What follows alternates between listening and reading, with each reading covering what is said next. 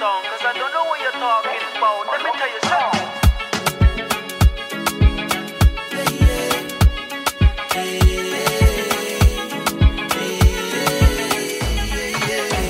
Byron, Yo, my guy. Roma. Het is hè? Het is alleen, nou zo. Moet zeggen, Hey Jeppa. lekker, lekker. ik heb een beetje een onderzoek gedaan, man. Goeie, goeie. Bro, ik heb je energie te lang niet gevoeld, man. Is gelijk, man. Dus het voelt sowieso goed om je hier te hebben. En ik ben blij dat jij tijd hebt vrijgemaakt om weer even te verbinden, bro. En sowieso, dat hebben we vaak genoeg gedaan. Bij Lola of bij mij thuis, vroeger nog bij mijn vader. Ja, man. Waar we echt genoeg gelachen hebben. Ehm, maar nooit in een setting waarbij we één op één zijn. Klopt, ja. Of we zijn dus in een ruimte met anderen. Ja, En als we dan één op één zijn, true. ja, dan ontwikkel ik altijd. Ja, En ik heb je nooit bedankt daarvoor. Om, ja, omdat het mij op dat moment er misschien niet eens... Omdat ik er niet eens bewust van was. mhm. Dus bij deze. Wauw, bro. Thanks, broer. Hey, thanks. Maar jij ook bedankt, man. Ja, man, sowieso. Leuk. Leuk. How's life these days? Eh, ja, goed, man. Eh, Een beetje het beste maken van, van wat je kan. Mhm. Eh, zoals we weten, we moeten allemaal aanpassen. Mhm. Maar eh, ja, we maken het beste ervan. Ik moet eerlijk zeggen, mag niet klagen, man. Oké. Ik mag echt niet klagen, ondanks alles. Ik zit met die kleine... Bij mij, in mijn geval, is het zelfs voordeliger uitgepakt. Omdat mijn kleine kwam net, was net geboren toen we in de lockdown moesten. Dus ja, ik heb mijn kleine wat langer van dichterbij zien opgroeien, snap je? Ja, dus, je hebt eigenlijk een- een ideale hechting gehad. voor ja, voor mij, voor mij absoluut, man. Dus. En het heeft me ook ehm, ja, blootgesteld aan mezelf. Ik denk dat het heel veel dingen heeft exposed. Eh, mensen hun geloof, ehm, social media, politiek, noem maar op, alles. En ik, ik heb mezelf echt anders leren kennen, snap je? Dat, dat, want heel vaak praat je over, ja, heb je wel vertrouwen, geloof je nog wel, of ben je wel nog steeds optimistisch? Maar je kan pas over die dingen praten wanneer je getest wordt. Mm. Snap je? Dus ik denk dat dit voor de hele wereld een test was. Van hoe ga je nu in je familie met je kinderen om? Mhm. Want heel veel ouders zijn hun kinderen zat. Snap je? Mhm. Maar het zijn nog steeds je kinderen. Mooi gezegd, Ja, bro. Mooi dus, gezegd. Dan ja. kom je in principe nu pas achter of die liefde die je daadwerkelijk voelde voor Zuiver. dat of die persoon of dat werkelijke liefde was. Ja, man. Gruwelijk, dat heb je heel mooi gezegd, man. Bye, kan jij jezelf in een, in een notendop even kort voorstellen? Oef. Ja, ehm, ik ben Byron. Mijn ouders zijn van Ghanese kom af. Ik ben eh, geboren en getogen in Nederland. Ehm, ik ben 32 jaar. Ik ben voorganger in de kerk sinds anderhalf jaar zo. Ehm, ik Wat ben is een voorganger? eh, pastoor. Oké. Ja. Dus eh, je gaat letterlijk de mensen voor. Aha. Ja. Ja, ja, ja. Oké, commando. En- precies. Ja, ja. En eh, ja, mijn passie is altijd mensen geweest, man. Hmm. En ik merk dat ik mezelf vooral bevind in de jongeren. Vooral ook omdat ik zelf natuurlijk jong ben. Eh, momenteel werk ik bij een American Express financieel bedrijf. Mhm. Als kredietanalist. En ja, wat nog meer. Ik heb hobby's. Ik hou van voetbal. Ik hou van lachen. Je weet van mij. Wij lachen altijd. Sowieso. En eh, ja, man, dat ben ik denk ik in de mooi, notendop. mooi. Ja, ik vind het altijd belangrijk dat, dat, dat, dat de persoon die, die tegenover me zit zichzelf voorstelt. Ja. Want ik kan het op een totaal andere manier doen dan dat jij het zou doen. En jij stelt jezelf voor zoals jij het zou Hey, willen. ik ben bijna iets, ik ben iets vergeten. Ik ben natuurlijk een, een man van een geweldige vrouw. Hey. Ja, ja, ja, ja, Ja, dat ja. kunnen we niet vergeten hey, natuurlijk. dat gaat maar. Ja. en een trotse vader, man. Ja, Dus, eh, zeker. Zeker. En dat zie ik ook zeker. En wat lijkt dat kind op jou, zeg. Hey, lobby, man. Zie je het zelf ook? Ja, is eng. Ik zie het ook Ja? gewoon, ja, man. Bijzonder, hè? Ja, in het begin was het even van, hè? ik zie niet, toen zei mijn vrouw het altijd. Mhm. Maar naarmate hij ouder werd, zag ik wel, man. Ja, Ja. zag ik wel echt van, ja, man, hij lijkt ook op mij. Wordt alleen maar meer. Ja, Mooi. dus, eh, hey, laten, we het, ehm, laten we het eerst even hebben over hoe jij bent opgegroeid. Want ik wil erg graag weten hoe ehm, ja, jouw persoonlijkheid zo zijn vorm heeft aangenomen. Ehm, dus kan je mij ook even meenemen naar jouw jongere... ja Jaren. zeker. Zeker, dank je wel, man. En eh, ook voordat ik daar nog verder op inga, Mhm. wil ik je ook bedanken voor deze geweldige platform. Zeker. Je bent echt tof, top bezig, man. En eh, dus ik voelde me echt wel vereerd toen je me vroeg. Dacht van, hé, hey, Sang? Ja, maar Rons vraag Ja? man. Dus ik voel me gewaardeerd. Nee, maar eh, sowieso, Mooi. we hebben altijd goede gesprekken gehad. Zeker. Dus ik ben jou ook daar dankbaar voor. Mhm. Ehm, dus on that note, ja, neem ik jullie mee terug naar ja, 1988. Mhm. Dus eh, voor mij, ik noem het de gouden jaren. Niet dat ik het heb gezien of heb ervaren, maar het feit dat ik in dat jaar ben geboren, Mhm. ehm, ja, beschouw ik het toch wel waardevol. Mhm. Maar ook vooral omdat ik later, toen ik, eh, ja, wanneer je ouder wordt, Mhm. besef je vooral nu ehm, hoe waardevol dingen van vroeger waren. Eh, vooral omdat nu heel anders wordt gekeken naar het leven. Het leven gaat zo snel, social media, mensen eh, hechten minder waarde aan relaties, aan familie. Het is meer van eh, hoe zie je eruit op Instagram, op social media.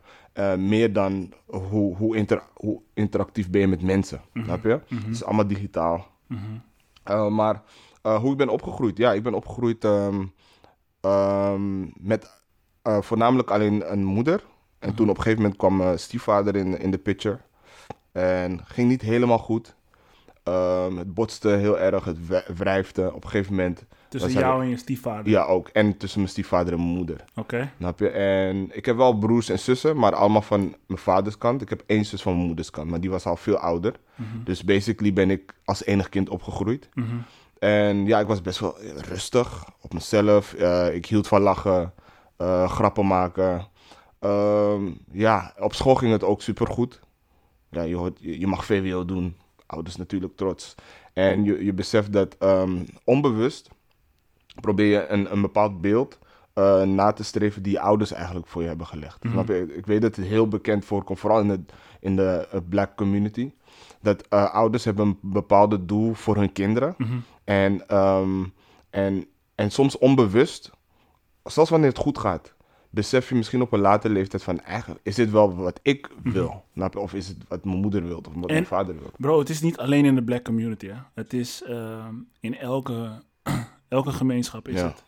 Misschien is het in de ene gemeenschap wat overheersender dan bij de andere gemeenschap. Of valt het wat meer op. Ja. Omdat in de donkere gemeenschap bijvoorbeeld ehm, is het wat duidelijker te zien. Omdat die ouders in veel gevallen zelf die dromen nog niet hebben na kunnen leven. Ja. En in een andere gemeenschap hè, is misschien die, is Pietje zijn vader al advocaat. Ja, ja. En hij ziet hoe zijn vader als advocaat gelukkig is. True. En zijn vader stimuleert hem ook nog eens om die kant op te gaan. Ja. Dus ik denk dat het in alle gemeenschappen wel een beetje ja. terugkomt Ja, dat eigenlijk. zeg je goed, man. Sorry voor de onderbreking. Nee, nee, maar going. tuurlijk, voel je vrij te onderbreken.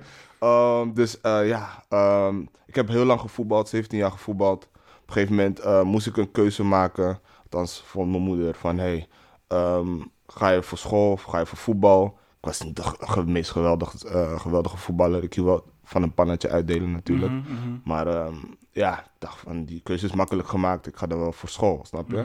Eh, ik moest gewoon een keuze maken omdat ik, ik merkte dat ik gewoon qua school meer ging verwaarlozen omdat ik voetbalde of ik was gewoon buiten en al die dingen. Maar heel vaak associeerde mijn moeder dat met van ja, ik, ik spendeer te veel tijd aan voetbal.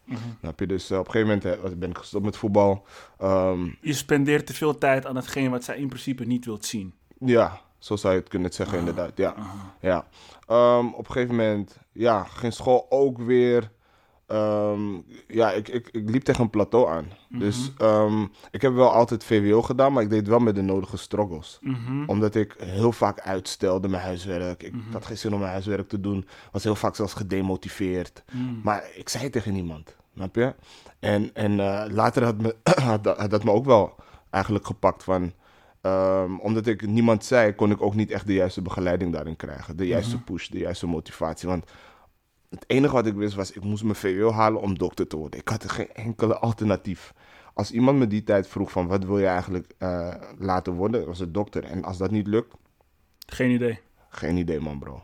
Dus dat heeft me lang achterna gezeten. En op een gegeven moment, eh, gek genoeg, heb ik mijn school niet eens afgemaakt. Mhm. Dus tot op de dag van vandaag heb ik wel deelcertificaat. Ik ging op een gegeven moment toen ehm, eh, naar Joke Smit, voor was onder, onderwijs. Amsterdam-Zuid. Ja. En toen eh, heb ik uiteindelijk mijn examens daar ook niet kunnen halen.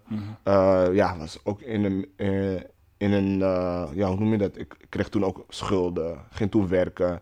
kreeg money op jonge leeftijd. Dacht van, weet je wat, ik ga gewoon werken, man. Dus uiteindelijk ben Om ik die altijd- schulden tegelijkertijd ook weer af te kunnen Precies, lossen. ja man. Je? Dus toen ben ik gewoon ja, gaan werken. En het was ook wat me ook demotiveerde in die tijd was omdat mijn moeder op een gegeven moment zei van... Kijk, als je niet serieus bent met school, ga ik je schoolgeld ook niet meer betalen. Je? Dus ik moest best wel allemaal zelf gaan doen.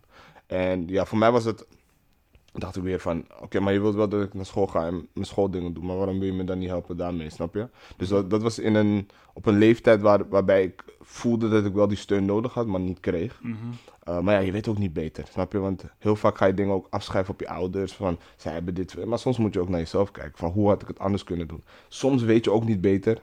Eh, want ik zeg altijd, als je beter weet, kun je beter doen. Mhm. Maar ehm, ja, ik was in een fase dat ik gewoon gedemotiveerd was. En ik, ik, ik, zocht, ik zag eh, werken als een uit, uit, uitweg, snap je? Dus toen ben ik dat gaan doen. Ehm, op een gegeven moment eh, de kerk. Ehm, ja, ik groeide op in de kerk. Ik ging of, ja, vanaf negende leeftijd volgens mij, zover ik me kan herinneren, ging ik naar de kerk. En ja, ik ging altijd gewoon naar de kerk. eh. Ging je met je, met je, met je moeder? Uh, mijn stiefvader heeft me geïntroduceerd met de kerk. Mijn moeder ging niet echt naar de kerk. Maar hoe, hoe ging dat dan? Want jouw band met je stiefvader was niet heel Ja, dat, stabiel. dat was eigenlijk op een latere, latere Mm, leeftijd. In het begin eh, natuurlijk niet. Mhm. Eh, want hij kwam best wel vroeg in mijn leven. Want ik was ja, 9, 8 jaar zo. En ehm, ja, hij bracht me naar de kerk en ik vond het leuk, maakte vrienden daar.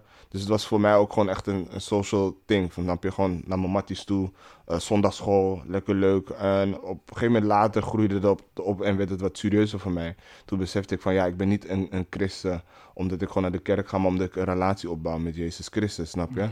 En dat was voor mij echt inderdaad dus die, die switch van dat ik echt bewust mijn leven ga geven van hey, eh, God helpt mij, begeleid mij. En, Komt dat door, door, door schade en schande? Dat jij jou bent gaan, dat je je bent gaan bekeren? Poeh, Er moet toch een punt komen dat jij zegt van oké, nu ben ik geïnteresseerd in wat ja, het christendom mij te bieden heeft. ja. Ehm, ik, ik, eerlijk gezegd, ik weet niet of het door schade en schande komt. Nee.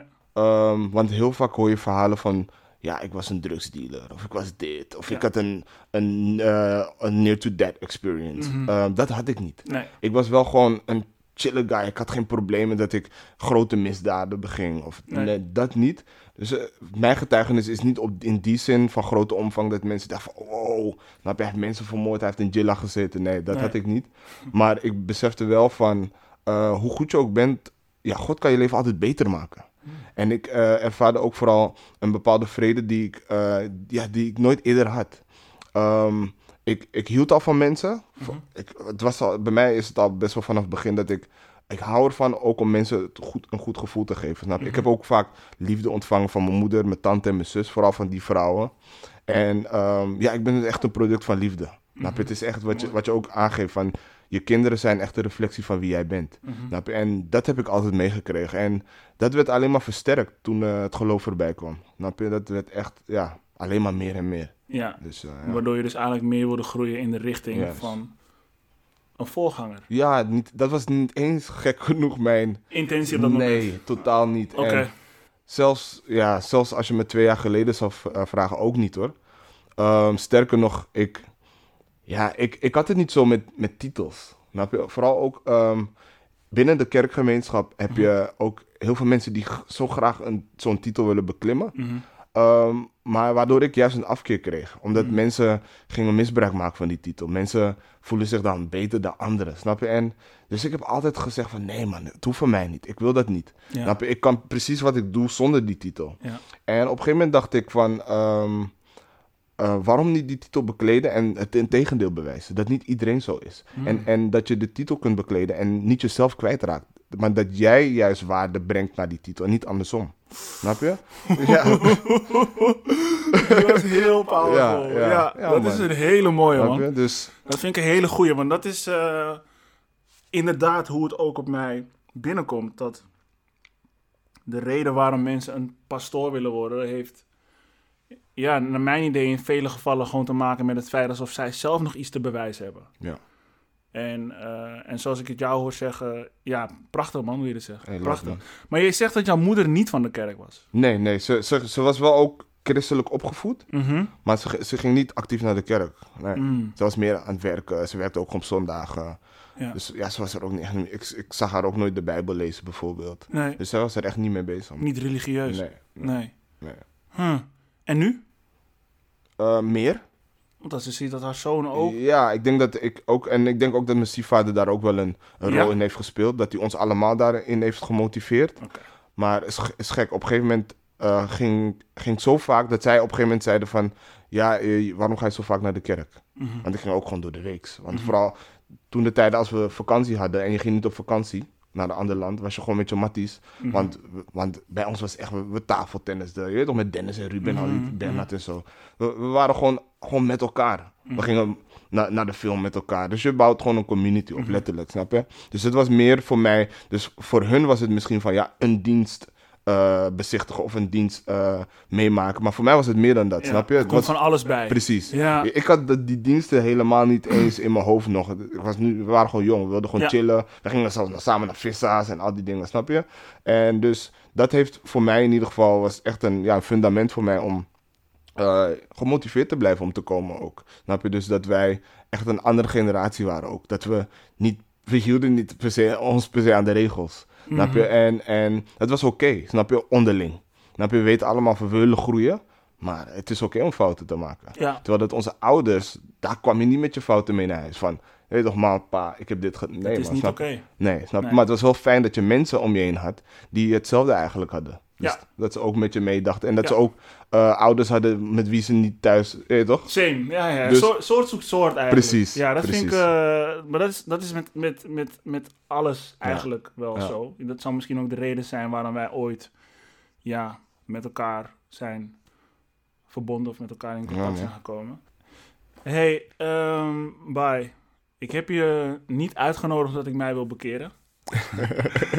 ik heb je ook niet uitgenodigd dat Jammer. ik wil discussiëren over waarom jij in God gelooft en ik niet. Mhm. Ik heb je uitgenodigd omdat ik wil begrijpen en leren wat hetgeen is in de kerk dat de mens de kracht kan geven om weer op te staan. Eh, want de kerk verbindt ook. Mhm. Ehm, Zeker. en ik wil ook weten hoe een christelijk persoon God ziet. Mhm. Zie jij een persona, een man of vrouw? Is God energie? Mhm. Is hij, zij of het hier aanwezig? Mhm. Neem mij gewoon even mee in wat God voor jou is. Nou, dat is een hele goede vraag, man, bro. En, oh, en dat heb ik ook altijd van jou gewaardeerd. Hè, is dat je inderdaad nooit een, een mensen het gevoel geeft van... ehm, ja, we voeren gewoon een discussie om het gewoon te voeren. Mhm. Maar dat je ook oprecht interesse en gewoon wilt groeien en wilt leren. Mhm. En ik denk dat dat eh, de kracht van dialoog is. Mhm. Snap je? Dat we gewoon kunnen praten met elkaar. en elkaar uithoren en eh, daaruit dingen kunnen leren. Snap je? Eens. Dus Ja. ik denk eh, dat dit een geweldige reflectie van, van hoe het zou kunnen en mogen zijn. Mhm. Dat de wereld hier echt absoluut van kan leren, man. Dus Zeker. thanks voor dat. Ja, zeker, tuurlijk. Heel graag gedaan, hoor. Ehm, ja, om je mee te nemen, eh, zo- eh, om antwoord te geven op je vraag, op je uitgebreide vraag, is ook een beetje een uitgebreid antwoord. Ik zou zeggen, ehm, God is, is overal. Mhm. Ehm, om het nog makkelijker te maken, God maakt zich kenbaar, eh, zijn macht en zijn kracht kenbaar in natuur. Ehm, in waar we nu, nu zijn. Ehm, daarom ben ik ook een sterk geloof, gelovige van eh, het feit dat ehm, iets kan niet ontstaan uit niets. Mhm. Er, eh, wij zijn intelligente wezens. En een intelligente wezen moet door iets hoger in- intelligent zijn gecreëerd. Dus bijvoorbeeld als je naar de vogels kijkt, de manier waarop bloemen groeien, eh, fotosynthese, hoe dat allemaal in elkaar zit, dat, dat, dat complexiteit. Daar zit een, een brein achter. En ik geloof dat dat God is. En, ehm, maar al die dingen, dus de weer, de seizoenen en al die dingen. Daar eh, zie ik wel dat, dat God zich kenbaar maakt in zijn kracht en in zijn macht. Maar in zijn persona is, eh, maakt God zich alleen maar kenbaar in de- Jezus Christus. Dus dat is de enige eh, manier waarop God zich persoonlijk kenbaar maakt. En dat is door middel van een persoon. En daarom geloven wij ook dus dat, ehm, dat omdat, omdat, omdat wij geboren zijn in zonde, moet zonde gestraft worden.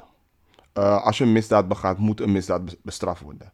Maar wij kunnen onze misdaad niet zodanig, wij, wij kunnen dat niet zelf bestraffen. Dus God is zelf gekomen als persoon om uiteindelijk onze misdaad eh, te straffen. Is dat een soort vorm van karma? Zo zou je kunnen zeggen. Ja, als ze dan zou je zeggen van... Laat het aan God over. Mhm.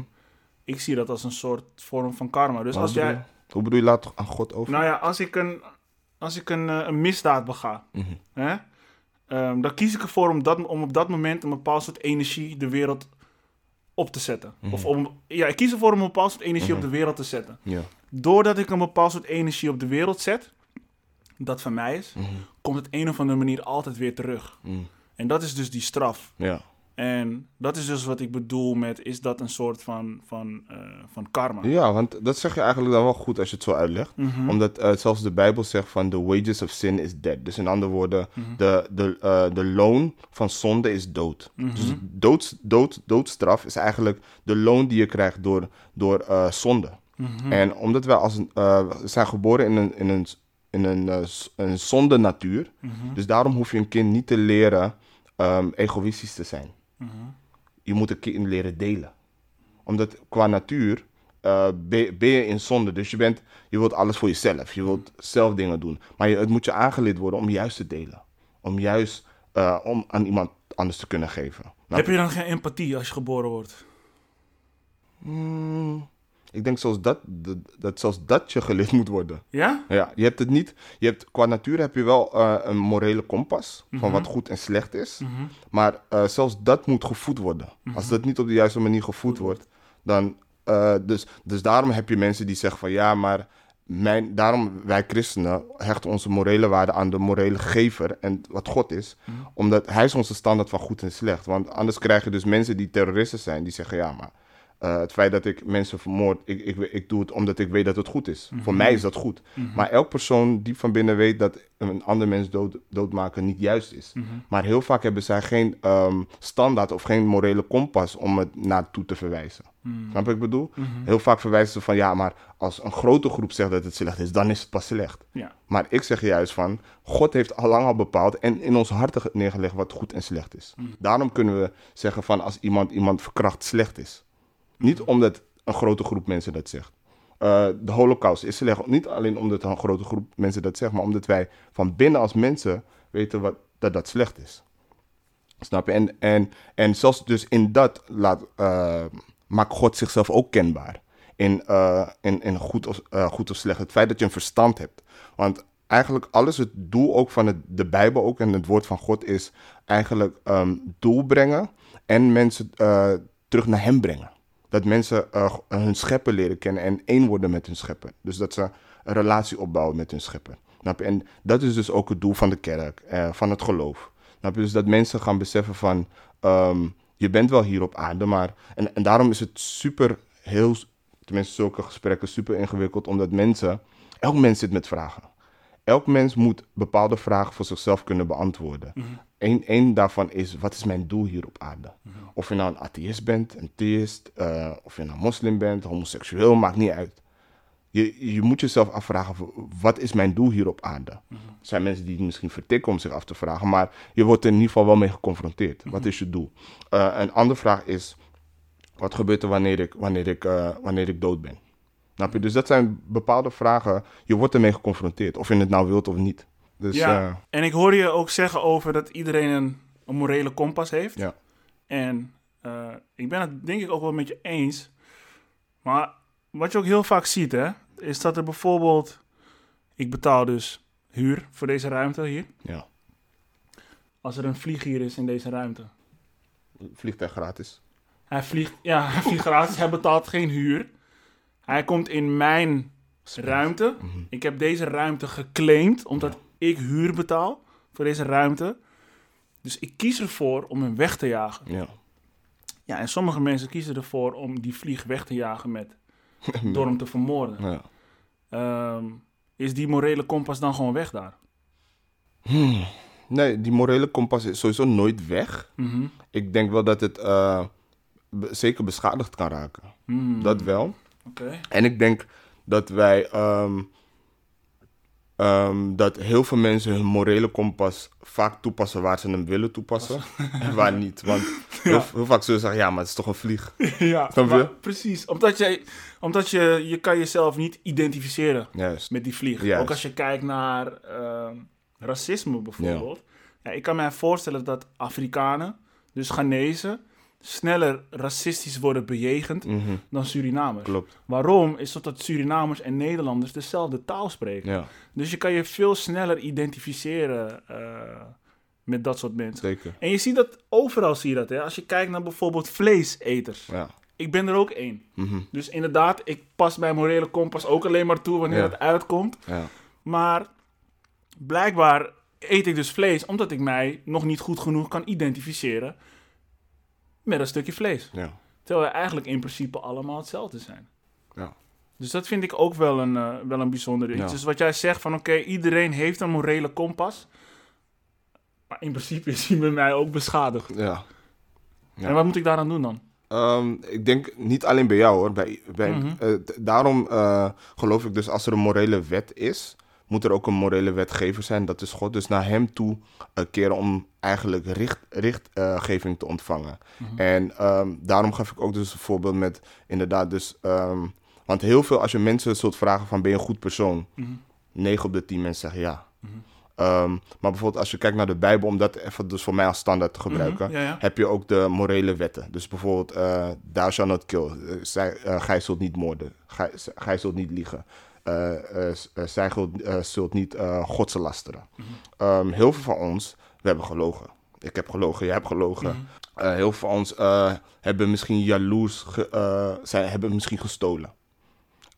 Hebben misschien iets gedaan wat in ieder geval dus niet, niet juist is. Dus gebaseerd op die morele wetten zijn wij geen goe- goede personen. Maar omdat wij dus die morele wetten hebben verbroken, hebben we wel iemand nodig die die misdaden moet En dat kunnen wij niet zelf. Daarom vroeger had je dat ze offers legden. En de Bijbel laat ons weten dat Jezus dus ook als een lam kwam, als offer, om voor altijd onze, ons vrij te pleiten. Dus zelfs als je bijvoorbeeld in een, in een eh, stel je voor je hebt, je hebt een, eh, een eh, hoe noem je dat, overtredingsboete ontvangen.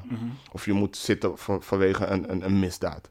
Dan kan jij vrijgesproken worden als iemand jou, zeg maar, jou, hoe noem je dat, jouw borgsom geld betaalt.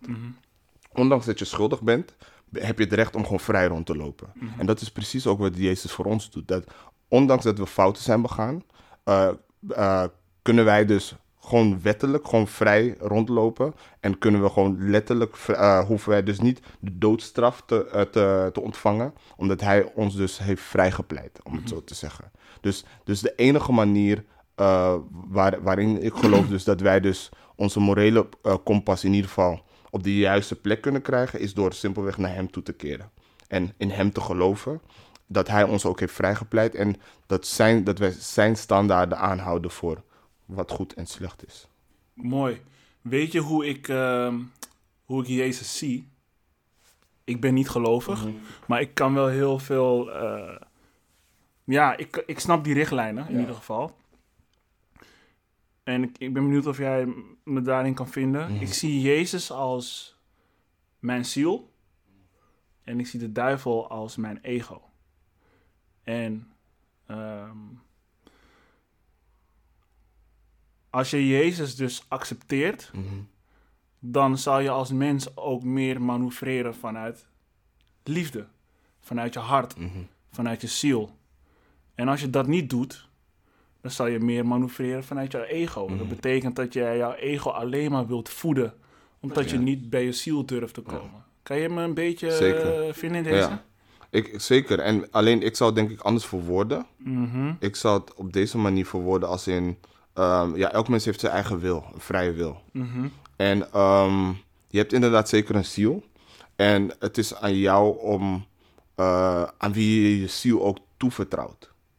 Snap je? Want ehm, Die snap ik niet. Ehm, als in, eh, je, je hebt een ziel. Dus in je ziel zit eh, eh, je, je emoties, je, je, je gedachten, je, hoe, je, hoe je dingen beredeneert en dingen die je doet. Dus daaruit ontstaan eigenlijk je acties. Ja. Dus je kunt ze toevertrouwen als in dat, dat God je daarin begeleidt. Maar daarin heb, moet je een bewuste, sorry, een bewuste keuze maken om dat ook aan hem toe te vertrouwen. Of je doet dat dus niet. En zoals wat je zegt, want eh, zoals wat je zegt is dan dat je ego dan in de, in, in de plaats komt. Dus je, jij wil dingen op jouw manier doen.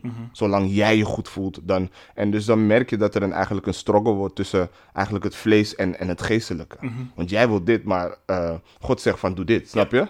Ja. Eh, want bijvoorbeeld, hoe vaak voelt het goed om, ehm, om, om iemand die wilt verkrachten of iemand die seks wilt hebben met iemand, ook al tegen diegene zin, wilt het eigenlijk omdat hij zich goed wilt voelen. Hij wilt zich baas voelen over iemand anders. Iemand die eh, iemand anders slaat, wilt zich goed voelen door iemand anders pijn te doen, Ja. snap je? Dus, Ja. dus, dus, en dat is dus eigenlijk wat, wat ik bedoel met het, eigenlijk het, het, overgeven van je ziel naar, naar God toe. Is dat zelfs wanneer je niet eh, wanneer jij je niet goed voelt om goed te doen, eh, krijg je wel, ontvang je dus daardoor wel de kracht om uit- uiteindelijk goed te, Uiteindelijk goed te doen. Ja, want je weet van, je moet bijvoorbeeld niet stelen. Ehm, maar omdat je bewust bent van je relatie met God, eh, eh, is dat, heeft dat een hogere meerwaarde voor je dan, dan wanneer je dat niet zou hebben. doen. Snap je? Ja, ja. Want je doet dan dingen omdat jij het wilt. En, Ja. en nu is het, draait het dus niet meer om jou, maar ga je oprecht vragen van God, maar wat vindt u ervan? Snap je? Dus het Hmm. is niet per se van dat je een robot bent nu, maar je hebt, omdat je een relatie hebt, bespreek je het met. Het is net zoals hoe wij nu met elkaar praten. Mhm. Ik ken jou, maar als ik bij jou, als jij me niet zou kennen en ik zou zeggen, hey, ik ben een goede persoon, Mhm. eh, laat me bij jou komen wonen thuis, Mhm. zou- zou je dat niet zomaar doen. Waarom niet? Ondanks dat ik een goed persoon ben, we hebben geen relatie. Snap je? Dus het, het draait echt om relatie. En in die relatie vloeit dus, dan, dan, dan ga je gesprekken aan. Je hebt communicatie. Heb Dus je gaat- het dan ook over een relatie met jezelf? Ehm, ja, ik denk het ook wel. Omdat je, je wordt, eh, want soms word je letterlijk exposed naar jezelf. Want Mhm. soms doe ik iets en denk ik van, hé, nou man, dat hoor ik niet te doen. Of zang, of was ik zo? Of Mhm. deed ik dat? Mhm. Soms heb ik discussies met mijn vrouw en je weet toch, vrouwen zijn goed in onthouden. Ze zegt, nee man, dat heb ik nooit gezegd. Ja, je? Maar zij weet precies wat ik wel heb gezegd. En soms zit, heeft ze misschien gelijk, soms ook niet. ideale Maar- spiegel. Juist. Nou, en, en ik geloof ook precies wat je ook zegt, dat de Bijbel het enige boek is waarin eh, dat je leest, dat je ook jezelf terugleest. Dus wat je zegt, het is een spiegel. Mhm. Dus je ziet jezelf letterlijk erin. En dat kan in een goede situatie zijn, of een minder goede situatie. Dus voor correctie, voor eh, eh, motivatie, bemoediging. Want niet alles wat een mens doet is per se verkeerd. Maar zelfs een mens die goed bezig is, heeft ook motivatie nodig om door te blijven gaan. Mooi. Dus, ja. Ehm, ik ken iemand hè, die ehm, is bekeerd tot het christendom. En het blijkt nog steeds niet helemaal te gaan zoals hij wil dat het moet gaan. Mhm. Mijn, mijn, mijn geloof is een beetje dit, hè? misschien een beetje zwart-wit, is Ja. dat heel veel mensen die zich bekeren, zijn het even kwijt. Mhm. En wat jij zei, het kan door drugsgebruik komen of Ja. whatever. Ze hebben weer die houvast nodig. Juist. En religie, in die zin, geeft ze houvast. Mhm. Maar die houvast zal hun eigen waarde nooit opvullen. Kan je je daarin vinden? Eh, zeker. Oké. Omdat ik eh, daarom ehm, heel vaak, ik weet niet of je het ook vaker hoort, ehm, be- bestempel ik het christendom ook niet echt als een... eh, het is een religie, maar het is ook weer niet een religie. Of ik zal het, laat me het zo ze- eh, zeggen. Het is een religie dat gebaseerd is op relatie. Hmm. Dus niet alleen op rituelen. Van doe dit, dit en dit en dan komt het goed. Want je kan dat, dat en dat allemaal doen, maar nog steeds niet... Snap je wat ik bedoel? Dus Ja. het is een relatie hebben. En in je relaties vallen en opstaan. Snap je? En ik denk eh, dat het super belangrijk is, vooral wanneer je net tot bekering komt, dat je ook eh, jezelf inleest. Eh, dat je vragen stelt. Want ehm, ik, dat is echt een, een bekend probleem. Dat heel veel mensen, ze komen net tot bekering, maar ze weten eigenlijk niet eens waarom. Ze willen wel. En eh, heel veel dingen duwen hun wel in de juiste richting. Maar daar blijft het dan ook bij. Dus ze bekeren eigenlijk maar omdat het gewoon goed voelt. Bijvoorbeeld, ja. Het voelt goed. Ja. Het voelt beter dan hoe het hiervoor voelde. Precies. Dus ik kies Precies, hiervoor. Ja, Ja, waardoor Maar- het in ja. vele gevallen toch nog steeds... eh, precies. Dus als je niet de juiste begeleiding daarin krijgt ook, dan, dan kan het ook averechts werken. Of dan zit je misschien weer even in een dip. Dan had je juist die push nodig, maar niemand was daar om je misschien om je te bemoedigen. Ehm, je, je struggelt bijvoorbeeld met masturbatie. Ja. Eh, je weet niet hoe je daarmee om moet gaan. Eh, en, en, en dat is dus iets wat, wat ik eh, zelf ook gaandeweg ook heb gezien om me heen. Dat, dat je merkt dat ehm, mensen moeten het maar zelf uitzoeken. Maar wanneer ze het fout doen, dan zitten we wel allemaal op hun lip. Van ja, je hebt dit verkeerd gedaan. Ja, je hebt dat verkeerd gedaan. En dat is wat religie je leert. Ja, daar wil ik het zo ook nog heel even over Ja, hebben, tuurlijk, inderdaad. Ehm, jouw vrouw is ook christelijk. Geweldige vrouw, ja. Punten scoren. Hij moet het nog even benoemen. Ah, ja, maar is sowieso een geweldige vrouw. Ik heb haar niet vaak gezien. Ja. Eigenlijk, eigenlijk best wel weinig trouwens. Ja. En die keer dat ik het zie, voel ik van... Ja, maar ze loeft je ook, man. She's alright. Ja, soms moet ik wel zeggen van, hey, niet te veel, maar Ja, ja, Ja. Nee, maar she's, she's, she's, she's good, man. En ehm, dat vind ik wel dope. thanks. Ehm, vind je het belangrijk dat jouw zoon een christen is? Ehm, ja. Oké. ja, anders zou ik het zelf niet zijn. Mhm. Ehm, ja, ik vind het zeker belangrijk. En wat als hij dat niet wil zijn? Blijf zijn eigen. eh, ik ben daar wel heel makkelijk in, Ah, moet ik heel eerlijk zeggen. Ik weet dat mijn eh, achtergrond dat niet altijd zo is geweest. Maar ehm, ja, ik ben wel heel anders wat dat betreft. Ehm, ik zal hem altijd eh, het beste natuurlijk geven. Maar ik zal nooit datgene geven wat het meest uniek is. En dat is zijn eigen wil.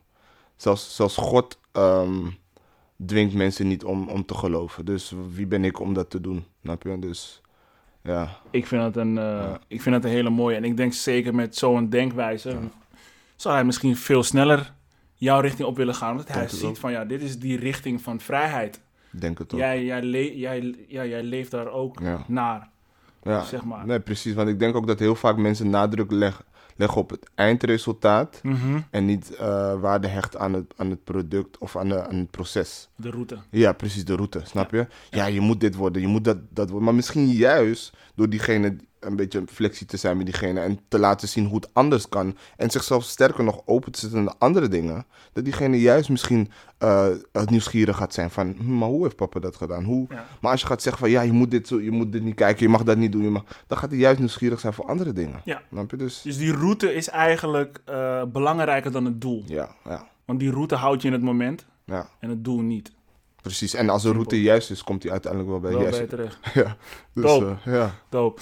Byron, er is een, eh, een stukje tekst van jou op revive.nl. Mhm. Waarbij je aangeeft dat jij een lange tijd problemen hebt gehad met masturbatie Oh ja, je hebt me gestalkt, hè? en porno. Jazeker. Ehm en ook zelfs, ja, je dacht ook zelf dat je er niet meer van af zou komen. Mhm. En dat is iets wat jij vaker om je heen hebt gezien. Ja. Mensen leggen zich erbij neer. Mhm. Of ze besluiten om seks te hebben buiten het huwelijk. Ja. Eh, zonder dat ze, ja, dat ze er tegen vechten. Ja, Dus dat is dan eigenlijk een soort van acceptatie dat die verslaving nou eenmaal onderdeel is van hun zijn. ja, Wat het dus extra moeilijk maakt om van die verslaving af te komen. absoluut. Omdat je eigenlijk gewoon bent versmolten Ja, nee, eh, zeker. met die verslaving. Ja. Ja. Die problemen die jij hebt gehad, hè? Ja. zoals jij het noemt, Mhm. problemen. ja. Waar komt dat vandaan? Ik denk vooral ook om... ehm, want kijk, heel vaak denken we dat opvoeding eh, alleen gebaseerd is op wat eh, familie en ouders en mensen om je heen je zeggen. Mhm. Maar heel vaak vergeten we dat het soms ook is de dingen die ze niet zeggen. Mhm. Want eh, heel vaak ehm, wekt dat juist die nieuwsgierigheid. Mhm. Want eh, het enige wat je geleerd wordt is ja, geen seks tot het huwelijk. Maar wordt in die hele proces tot aan het huwelijk wordt je helemaal niet uitgelegd hoe, wat, hoe moet ik met mijn gevoelens omgaan. Why not? Eh, wat als ik een spannende zie. Ehm, dus je hebt helemaal niemand om mee daarover te praten, ten eerste. Ten tweede, je moet letterlijk jezelf ehm, daarin opvoeden. Mhm. Dus het- dat kan of helemaal goed gaan of helemaal slecht of misschien ertussenin, wat dan ook. Mhm. Maar het komt erop neer dat jij, ehm, je hebt ook geen aansprakelijkheid. Eh, er is geen ook verantwoordelijkheid. Mhm.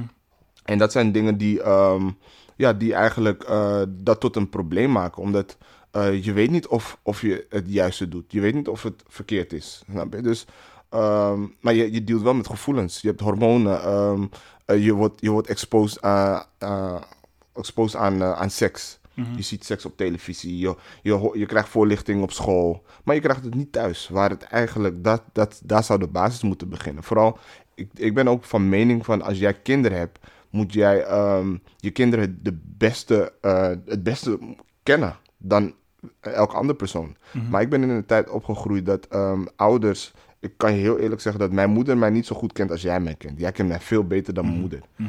Puur omdat ehm het gesprek zo was alleen maar school. Hoe was het op school? That's it. Als het goed ging op school, fine. Als het niet goed ging op school, ging het ook horen. Maar dat is de enige gesprek. We spraken niet over seks, we spraken niet over meisjes, over vriendinnen, gevoelens. Geen enkele intieme Nee, relatie man. had jij met je moeder. Nee. Vind hoor, ik sowieso. Ja, ja. Ja. Dan ben je heel jammer.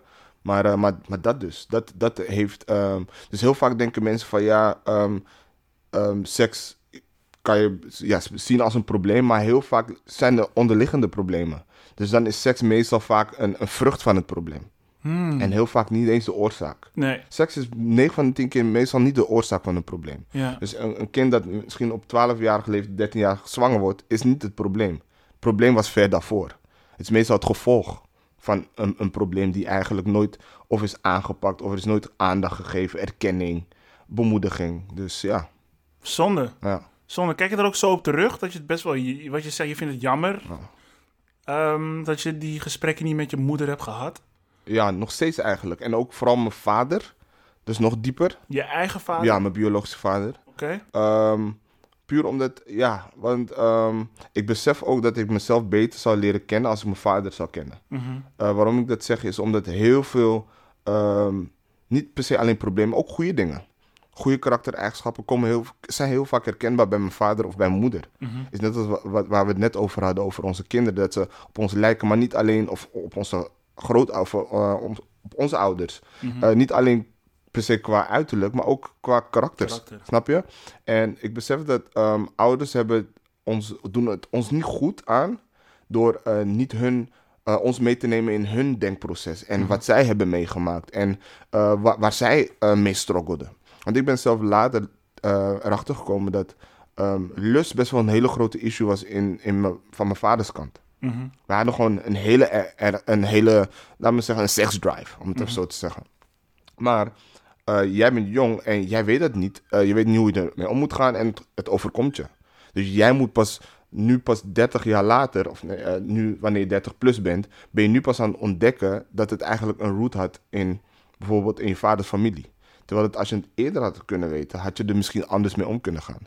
Of dan had je misschien advies kunnen krijgen van je vader. Maar daar zit ook weer een tricky part in. Want als je vader het ook niet beter weet, kan hij het moeilijk ook. Want je kan niet geven wat je niet hebt. Nee. Snap je? Dus als je een verkeerde opvoeding hebt ge- ontvangen, ga je dat ook doorgeven. Snap je? Ja. Of juist of helemaal niet. Ja. Niks doorgeven. Snap je? En, dus het wordt een soort een cycle, snap je? Die, die jij doorbreekt. Precies, absoluut man. Die wij doorbreken. Ja, ja, zeker. Gelukkig wel. Zeker. En ik denk ook dat, dat die, die, eh, die verslaving Mhm. hè, die jij dan eh, hebt gehad, wat ook zeker herkenbaar is, is dat het ook deels is omdat je je, je, je eigen waarde wilt opkrikken. Ja, Weet je, een vader die, klopt. die er niet is, voelt als een afwijzing. Ja, kan ik mij voorstellen. Mhm. Tenminste, voor mij wel in ieder geval. Eh, eh, zeker herkenbaar. voor mij Zeker als jonge jongen. Mhm. Dat je denkt van, fuck haar, Ja, man. waar is die guy? Precies En hij is er gewoon niet. Dus dat is een afwijzing. En dan ga je kijken van oké, hoe kan ik mijn eigen waarde opvullen met Ja. alle, alle kennis Precies. die ik op dat moment heb. En hoe ik ook kijk op, op masturbatie, eh, porno en Mhm. allerlei andere dingen. Ja. Waarmee je de spanning in je lijf probeert te verminderen. Mhm. Ik zie het pas als een probleem als jouw intentie vanuit angst is. Mhm. Dus als het komt vanuit het willen onderdrukken van bepaalde gevoelens. Waar men vaak genoeg nog niet eens bewust van is. Ja. Dat zie ik als een zonde. Het is ook zonde, Ja. omdat, de, omdat de uitkomsten 10 van de 10 keer zelfdestructief zijn. True. Uh, maar als je die intentie dus omzet naar liefde, dus je drinkt een paar biertjes met je boys, once in a while naar een casino, uh, met een bedrag dat als je het verliest, het geen effect heeft op je financiële stabiliteit. Een jointje roken met vrienden om de game night een kleine twist te geven. Dat zie ik niet als een zonde. Ja. Maar hoe zie jij dat? Mm, Ik denk dat je dat ook heel mooi hebt verwoord, man. Oké. Ik, denk, ik denk ook ehm, dat dat denk ik ehm, vaak het probleem is. Is dat we, ehm, we gaan vaak op zoek naar het grijze gebied. Mhm. En, en, en daarin heb je dus dan ook geen maatstaf. Mhm. Eh, want voor jou bijvoorbeeld een biertje of een jointje. Als ik het, ik, ik ben misschien helemaal, je weet toch, panja, ik ben er helemaal af. Mhm. Dus da- daarom vind ik het moeilijk om te zeggen van oké, als je dat dan doet, is het oké. Mhm. Dus dan natuurlijk als een ouder, als een leider, zeg je van doe het niet. Mhm. Snap je? Dus ehm, ja, de vraag of het zonde is, kan ik er zeker, mee, eh, met je, zeker in bevinden. Ah, je zegt Maar- natuurlijk als, als ouder, als leider zeg je doe het niet. Nee. Ik zal het mijn dochter nooit zeggen. Nee? Nooit. Dus als hij een jointje zou... zou eh, nee, ik, ik, ik wel Nooit. daarin. Ja? Ik zou, of Waarom? Ik, ik, ik, zou, ik zou... Precies, ik zou uitleggen van waarom. Dus eh, dat dit de gevolgen kunnen zijn. Dat het niet goed voor je, voor je gezondheid is. Ehm, ehm, ja, wat nog, dus ik zou in ieder geval een opstapeling van reden, redenen geven... om, om, om uit te leggen waarom ik vind dat die, hij of zij het moet doen. Snap? Maar die opstapeling van redenen die je geeft, dat zijn Mhm. allerlei angsten die je neerlegt bij jouw kind. Ja, maar het, zijn wel gebaseerd op feiten, toch? Ik weet niet of het feiten zijn. Ja, roken is niet goed voor je. Ik weet niet of roken niet goed voor je is. Ik, ik weet het wel. Nee, maar ik bedoel daarin van, kijk, Ja. en dat is wat ik bedoel. Kijk, roken is niet goed voor je, Mhm. zodra je het gebruikt om een bepaald gevoel te onderdrukken. Kijk, het moment dat jij verslaafd bent aan sigaretten, Mhm. iemand die sigaretten rookt, Ja, daily, is verslaafd. Hij is verslaafd aan het ritueel. precies. Dat is niet goed voor je. Ja. Maar als jij ervoor kiest om een keer een jointje te roken met jouw vrienden, om inderdaad die game naar de andere twist te geven, dan zeg ik van oké, wat is daar per se slecht aan? Ik, en ik, dat is echt hoe, hoe ik erover denk. Ja. Ik denk het is alleen maar slecht voor je Mhm. als je iets intern probeert te onderdrukken. Mhm. Dus ik snap je wel hoor. Ja. Want zoveel dingen kunnen slecht voor je zijn. De ene zegt dat rood vlees slecht voor mensen is. ja, precies. Bier. Ja. Ik, ik heb daar te weinig verstand van of het echt daadwerkelijk slecht voor je is om één biertje te drinken. Ja. Zoals ik nu doe. Ja, maar ik denk ook omdat ik het dan, om even te onderbreken hoor, Mhm. dat ik het ook met, in, eh, dat ik het zeg omdat het begint altijd met één. Snap je wat ik bedoel? Het begint, want je weet niet of Vee of Isaiah verslaafd gaat raken aan sigaretten, pas wanneer die verslaafd is. Ja, maar als die, als die verslaving daar is... Ga je dan, dan ga je niet nu pas zeggen van, je moet stoppen ermee, toch? Nee, maar als die verslaving daar is... dan kan ik me wel afvragen hoe die verslaving is ontstaan. Kijk, en ik geloof dat die verslaving niet is ontstaan omdat ze is begonnen Mhm. aan het biertje of aan die sigaret. Mhm. Het is ontstaan omdat Iets anders. iets onderliggends is. Kan ja, nee, zeker mee eens. Dus in alle eerlijkheid, als, als, als Vee een keertje 18 jaar is, is is ze van papa, laten we een jointje roken met elkaar. Denk ik van, oké, gruwelijk. Ja, Maar ze moet niet elke dag naar me toe komen van, hé, hey, heb, heb je een jointje gehaald? Ja. Dat soort geintjes. Want dan weet je van, oké, iets gaat hier niet helemaal goed. ja, En dan kan ik mezelf gaan aankijken van, oké, wat is hetgeen dat jij probeert te onderdrukken? ja. Dus dat is een beetje hoe ik het zie. Dus ik probeer haar, tenminste, ik probeer haar. Ze is nu nog jong. Ja. Misschien als ze 16 is, word ik opeens een hele strenge guy. maar zoals ik Ja. het voor me zie, ja. ehm, wil ik haar eigenlijk gewoon alle fouten maken die ze gewoon lekker zelf... Ja. eh, Ja, ik denk, ik denk dat ik in die zin juist eerder vragen zal stellen aan mijn zoon. Van ja, waarom Hmm. wil je dat doen? Dus inderdaad niet gelijk zeggen van nee, niet doen. Maar ik zal natuurlijk een dialoog met hem aangaan. Uiteraard. Natuurlijk, mijn eerste response in mijn mind is van... Yo, Ja. je moet dat niet doen. Uiteraard. Maar precies wat je zegt inderdaad. Tuurlijk heb ik ook als ze naar me toe komt van, hey, laten we dit doen, dat ik ook niet ga zeggen, oké, let's go. ja, man. Maar dat ik ga vragen, oké, why, ja, weet je? ja, ja. Nou ja, goed, net als jou ben ik ook een voorstander om je gevoelens te delen. Ik zie gedachten ook als projecten die je, op, eh, die je op papier hebt. Leg het project op tafel, zodat mensen zien waar je mee bezig bent. En durf mensen ook uit te nodigen om naar jouw project te kijken. Het is een Bijbelverse trouwens. Ja? Ja, man. Bro, dit komt uit mijn hoofd. Ja. Ik zweer het. Ik zweer het. Ik lees geen ik Bijbel. loef, ik loef. Maar goed, daarbij moet ik wel zeggen... Wees wel voorzichtig met de mensen die een, die een oordeel hebben over jouw project. Hmm. Zonder dat ze maar enigszins hebben doorgevraagd. En wat het lastige is, bro, is dat in vele culturen genoeg jongeren een project hebben. Mhm. Waarbij ouders zeggen, hé, hey, wat is dit? Weg ermee. Ja. Of bij genezen, ah, Charlie, wat is dat? maar goed, en als je jarenlang eh, wordt afgewezen Mhm. op het project, oftewel je gedachtes, Ja. hoogstwaarschijnlijk omdat het een taboe is, ehm, dan durf je op latere leeftijd mensen niet meer toe te laten. Ja. Omdat die toelating gelijk staat aan afwijzing. Mhm. Tenminste, dat is dus je associatie met toelating, oftewel kwetsbaarheid. Ja. Is dat herkenbaar voor jou als je kijkt naar die puberende Byron? Ja, ja zeker.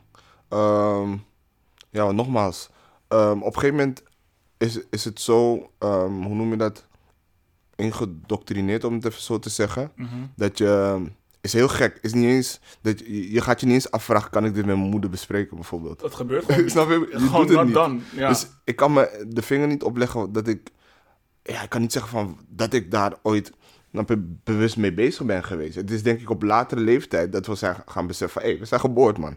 Hoezo konden we daar niet over praten? Mhm. Want tuurlijk, soms wil je als kinderen, als kind dan toch wat forceren, Mhm. maar je bent nog beperkt. Je bent misschien nog niet bekwaam. Je kan misschien nog niet de juiste woorden bij elkaar verzamelen om je gevoelens te uiten.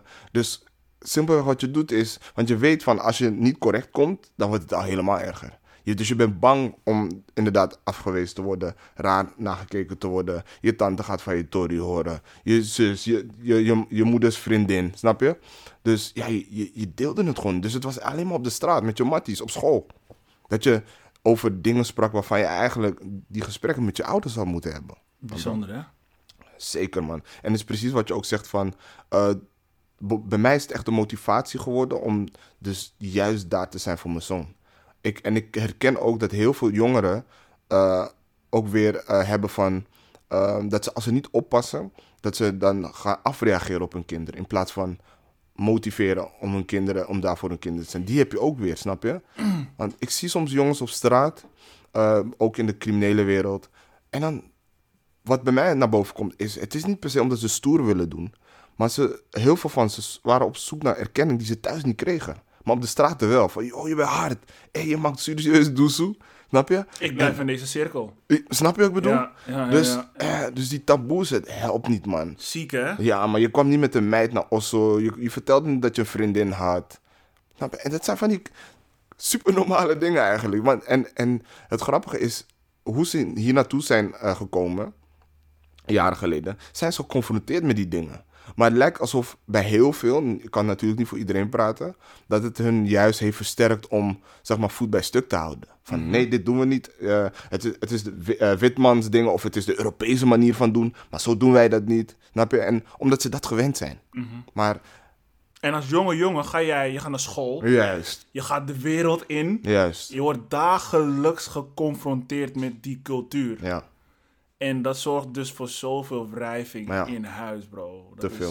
zo ziek. Als je kijkt naar eh, eh, de islamitische gemeenschap Mhm. bijvoorbeeld. ja. Ik ben wel eens verliefd geweest. Ik werkte bij de Albert Heijn. en ik was verliefd op een meisje met een hoofddoek. Eh, eh, Roma. Amal heette ze. Problemen zoeken. Bro, maar we waren echt verliefd op elkaar. Ja, we konden zo goed praten met elkaar ook. Soms wil ik alleen maar werken omdat ik weet dat zij Wauw. werkte daar zo.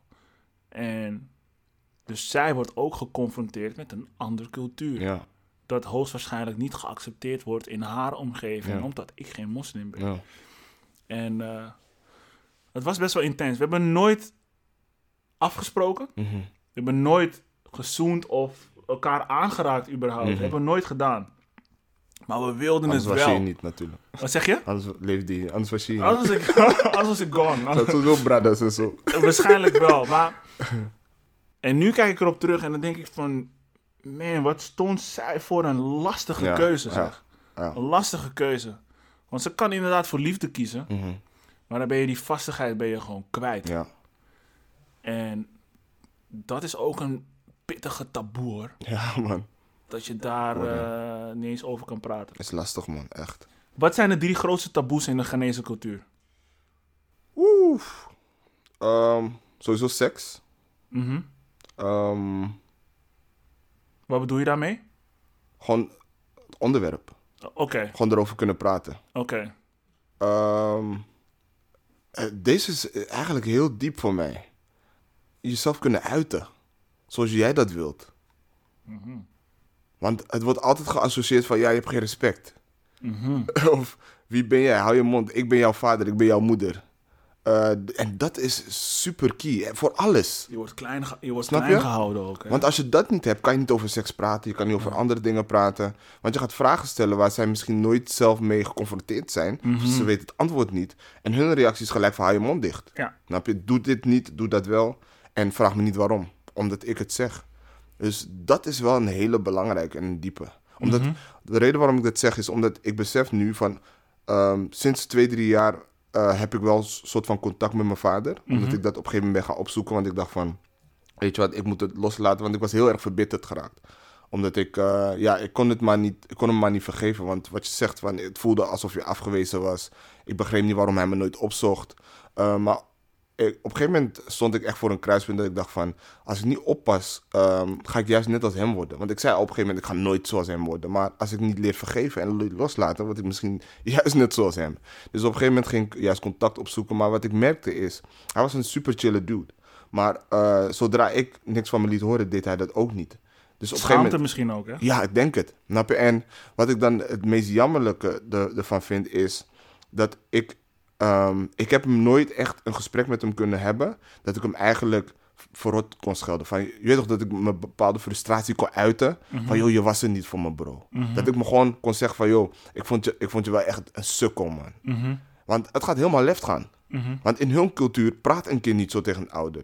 Maar daarmee beperk je wel toch de emoties en de kind. expressie van het kind. Dus, en dat heeft mij ook altijd, tot op de dag van vandaag, houdt dat me nog steeds bezig. Ehm, dat ik eigenlijk nooit een gesprek met hem heb kunnen houden om een volledige closure te hebben op, op onze relatie, op wie ik eigenlijk ben eh, vanuit zijn perspectief. Snap je dus? En dat is wel jammer. Snap je? En ja. Dus Heb dat, je die closure? Nee, Oké. nee. Wat is daarvoor nodig?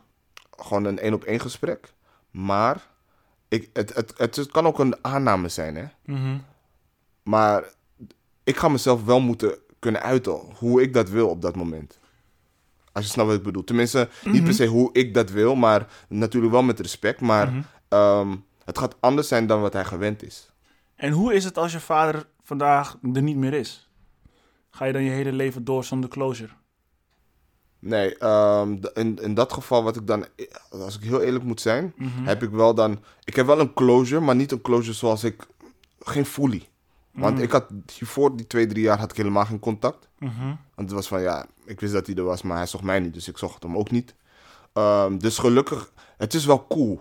Als in, ik heb geen verbitterdheid, het, het is niet raar als ik hem zie, we praten gewoon. Maar ehm, hetzelfde is eigenlijk ook met mijn moeder. Dus, eh, terwijl dat ik altijd met mijn moeder ben geweest. Maar ehm, gewoon dat gesprek kunnen hebben. Dus in die zin is die closure voor mij wel echt nodig. Maar ik denk als hij er niet meer zal zijn, dat ik wel gewoon met een spijt zal lopen van... ehm, ja, had ik dat maar wel gedaan? Maar aan de andere kant denk ik ook van, ja, zou het wel iets opleveren? Dus ik, ik struggle daar nog mee. Snap je wat ik bedoel? Je hebt gewoon vragen. Ja, man. Op, Je hebt ja, gewoon zeker. vragen. En zo- zolang die, die, die, die, die mensen er nog zijn, Ja, zijn er misschien nog mogelijkheden om die vragen beantwoord te krijgen. True. Maar misschien ook niet, Ja. want je weet nooit hoe hij reageert. ja. Ik heb geen contact met mijn moeder. Mm. Ehm, en ik denk daar ook vaak genoeg over na. Hè? Mhm. Van wat als ze er vandaag niet meer is? ja. Hoe, eh, hoe gaat het dan? Maar ik denk ook dat je als mens geen andere persoon nodig hebt Mhm. om die closure te voelen. Zeg je dat zo? ja. Om die closure te hebben of Mhm. whatever. Ehm, maar dat moet je jezelf geven. ja. Hetzelfde als trots. Je hebt geen andere persoon nodig om trots te zijn op jouzelf. Dat moet je, moet je zelf doen. ja. Ik mis nog een taboe, man. Oh ja. Eh, om nog even snel eh, in te haken op wat je zei. Ik denk ook niet dat je een ander mens nodig hebt voor closure. Mhm. Maar je hebt andere eh, mensen nodig voor relatie. Mhm. En ehm, zolang die persoon hier is, heb je eigenlijk wel een relatie met diegene. Of het nou Zeker. oppervlakkig is of intiem. Dus ik denk dat dat het meer is. Snap je? En daar heb je wel een andere persoon voor nodig. Want je, Klopt. je hebt natuurlijk een relatie met jezelf, maar een relatie is niet echt een relatie zonder een tweede persoon. Ja. Je hebt een andere persoon nodig, snap je? mhm. Dus ik denk dat dat het ook eh, vooral voor mij dan ook is. Ehm, derde taboe. Pff, ik weet niet. eh. Ehm, ik denk gewoon ook ehm, ambities. Dat dat een taboe is. Maar natuurlijk heeft het heeft allemaal met raakvlak, vooral met het niet kunnen uiten van wat jij wil. Maar ambities als in. ehm, ouders willen heel vaak bepalen voor kinderen wat ze moeten worden in de, in de toekomst. Ja. En eh, gelukkig merk je nu in onze tijd dat het iets wat verandert. Mhm. Dat onze generatie dat wel echt hebben moeten doorbreken een beetje.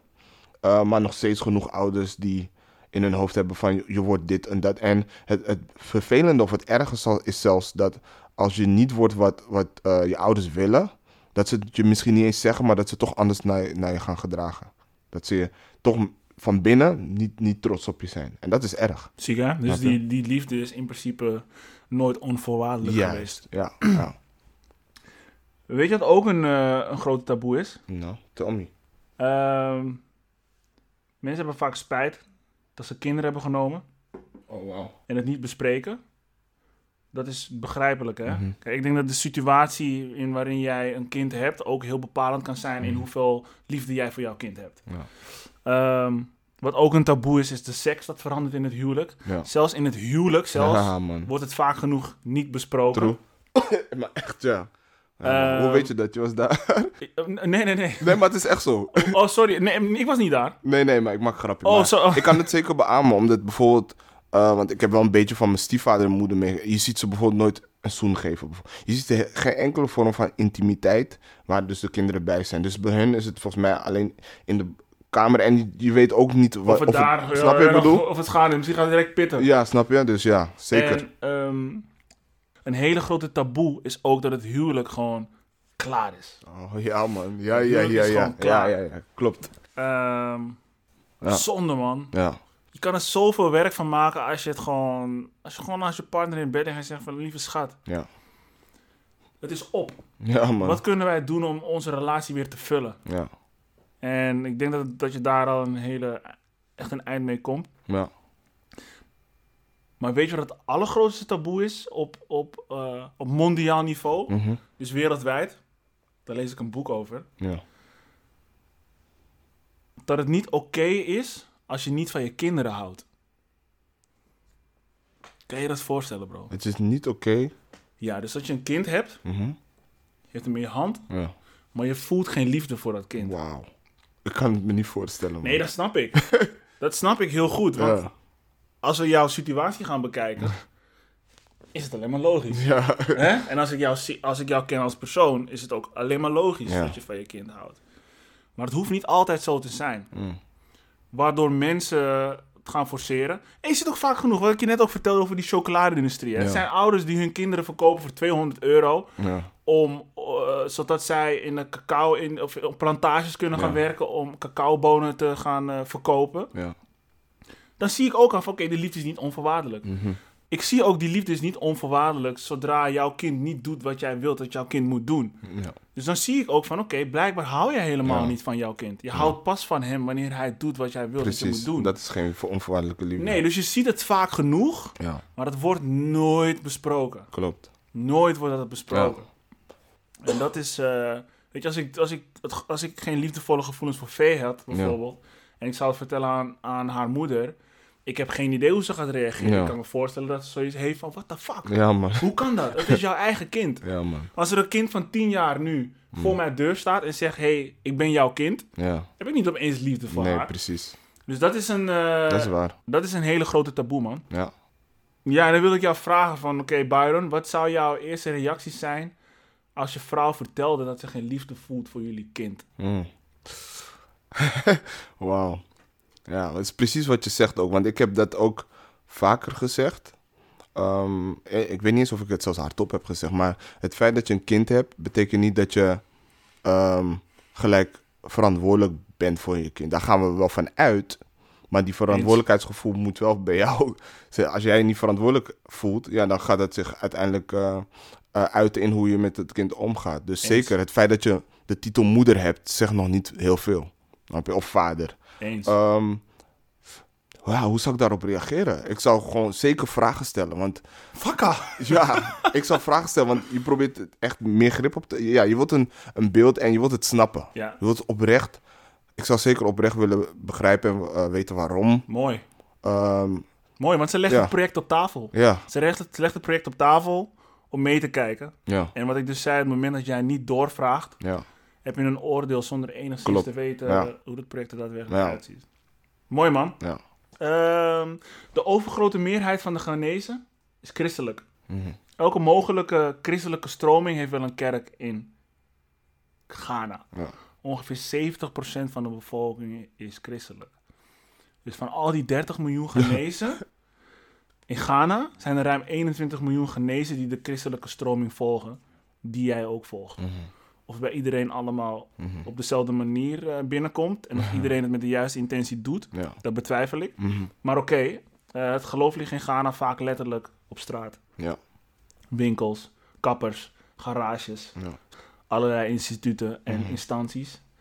Ehm, alles heeft een naam met daarin iets van God of Klopt, Jezus. Dus ja. je komt in Ghana, Taxis. hey, Ja, everywhere, taxis Everywhere. bijvoorbeeld. Man, Ja, man. dus je, komt, je ontkomt er gewoon niet aan. Nee.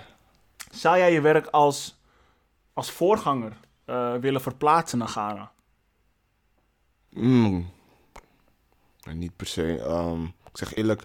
ehm, ehm, ik zou zeggen, kijk, als, als God het op mijn hart heeft gelegd, dan wel, maar nu, nee. Ik, wil, ik heb wel sowieso intenties om, zeker in Ghana, ook wel wat te bouwen. Oké? Maar om mijn werk te plaatsen naar Ghana, nee, nu op dit moment, nee. Nee. Nee, je zit goed hier, je zoontje zit goed hier. eh, iedereen is hier volgens mij. Heb, je, heb je nog familieleden in Ghana waar je... Ehm, ja, ehm, ja, ik heb wel nog familieleden. Oké. Ehm, ik heb nog wel negen zussen, broers die in Ghana wonen. Dus, eh, en ze, ze doen het go- goed. En wat ik wel met trots kan zeggen is, Ghana is wel echt in de ontwikkeling. Snap je? Heel vaak noemen we landen ontwikkelingslanden, maar je ziet weinig ontwikkeling. Maar je ziet nu veel, het gaat wel in een stroomversnelling. Snap, hè? ja, dus Mooi. Wel zeker trots eh, op gaan, man. Dus, Mooi eh, om te zien, man. ja. Hey, laatste vraag om het mee af te sluiten. Bai. Wat heb jij bereikt als ik jou over twee... eh, ja, wat heb jij bereikt als ik jou over twee jaar spreek? Wauw, dat is een hele goede vraag. Mhm. Eh, dankjewel voor je vraag ook. Ehm, ik heb tegen mezelf gezegd dat ik... ehm, ja, ik heb mezelf een paar jaar gegeven. Ik, heb op, ik weet niet of ik toen ik 30 was mezelf toen vijf jaar had gegeven... dat ik wel voor mezelf wil gaan werken. Ik ben nog een beetje nog aan het kijken hoe of wat. Maar ik wil sowieso echt met, nog steeds met mensen werken. Ehm, ik wil een boek schrijven. Ja. Ehm, met de titel Man Disturbed Nation. Sorry? Man Disturbed Nation. Man Disturb Nation. Nation. Ja. En als je bepaalde letters weghaalt, heb je masturbation. En je hebt man, en je hebt disturb, en je hebt nation. Ehm, Zeg niet te veel, bro, want straks neemt iemand die ideeën ja. over. Ja, maar heel kort gezegd eigenlijk mijn ervaring eh, vanuit een mannelijk perspectief. Maar het zeker ook voor vrouwen ook. Maar ehm, dus de afwezigheid van een man, van een vader in je leven of een vaderfiguur. Eh, hoe, hoe ik ernaar eh kijk en wat het met me heeft gedaan. In positieve zin, negatieve zin. Ehm, eigenlijk de dingen waar we over hebben gesproken, de taboes. Ehm, dat ik ook echt pas werkelijke vrijheid heb ervaren toen ik open en eerlijk durfde te zijn. Want heel veel mensen struggelen, en vooral mannen. Eh, zoals jij en ik weten, wij praten makkelijk over onze gevoelens, maar het is niet vanzelfsprekend bij elk man. Snap je? Dus heel vaak worden mannen gekeken als, je weet toch, worden gezien als je bent pussy als je huilt. Mhm. Eh, maar ik denk dat het belangrijk is dat mannen zich juist kwetsbaar moeten opstellen, maar moeten weten wanneer en bij wie. Mhm. Snap je? Dus ehm, society vertelt je dat, verwacht dat je een man moet zijn, maar ze leren je niet hoe. Nou, er zijn geen voorbeelden, geen referentie. En dat, is, dus- dat zijn dingen die ik allemaal echt in een boek wil zetten, omdat het echt is, maar, eh, is mijn leven. Snap je? En het is, ik merk dat het ehm, ehm, dat het belangrijk is dat er toch over gesproken eh, wordt. En op die manier wil ik dat in ieder geval je toch naar buiten brengen. Dus eh, ja, maar ook mijn relatie met mijn vader, wat het met me heeft gedaan, hoe ik ben gaan denken en bla bla, al die dingen. Dus, Fantastisch, ja, man, bro. dus dat Ja, zeker over twee jaar heb ik dat boek zeker. Fantastisch. En ik wil niet per se zeggen dat het jouw roeping is, Ja. maar ik zie jou wel als een ideaal persoon om zo'n boek te schrijven. heel lang. Zeker voor ehm, de jongeren waar je mee bezig bent, die naar jou opkijken. Mhm. Ja. Dat ze ook echt weten van, oké, Ja. dit is naar wie ik opkijk. Ik vind het een hele mooie. Appreciate that man, bro. Bro, ik wil je bedanken voor je tijd. Jou man, dat ik, vond gewoon hier het mocht een zijn. gruwelijke sessie. Dope. Ik wist al dat het gek ging worden, maar dit overtreft alles. Thanks, thanks. Can I give you my daddy energy? Energy, eh, eh. A little bit to you and some more from me. Some more from me. Higher gratitude is the thing I see. I, I see. eh. Close to my heart is the place to keep. It's another song to make you come around. It's another song to make I hold you down. It's another song to make you come around. Come around, make I hold you down. It's another song to make you come around. It's another song to make I hold you down. It's another song to make you come around. Come around.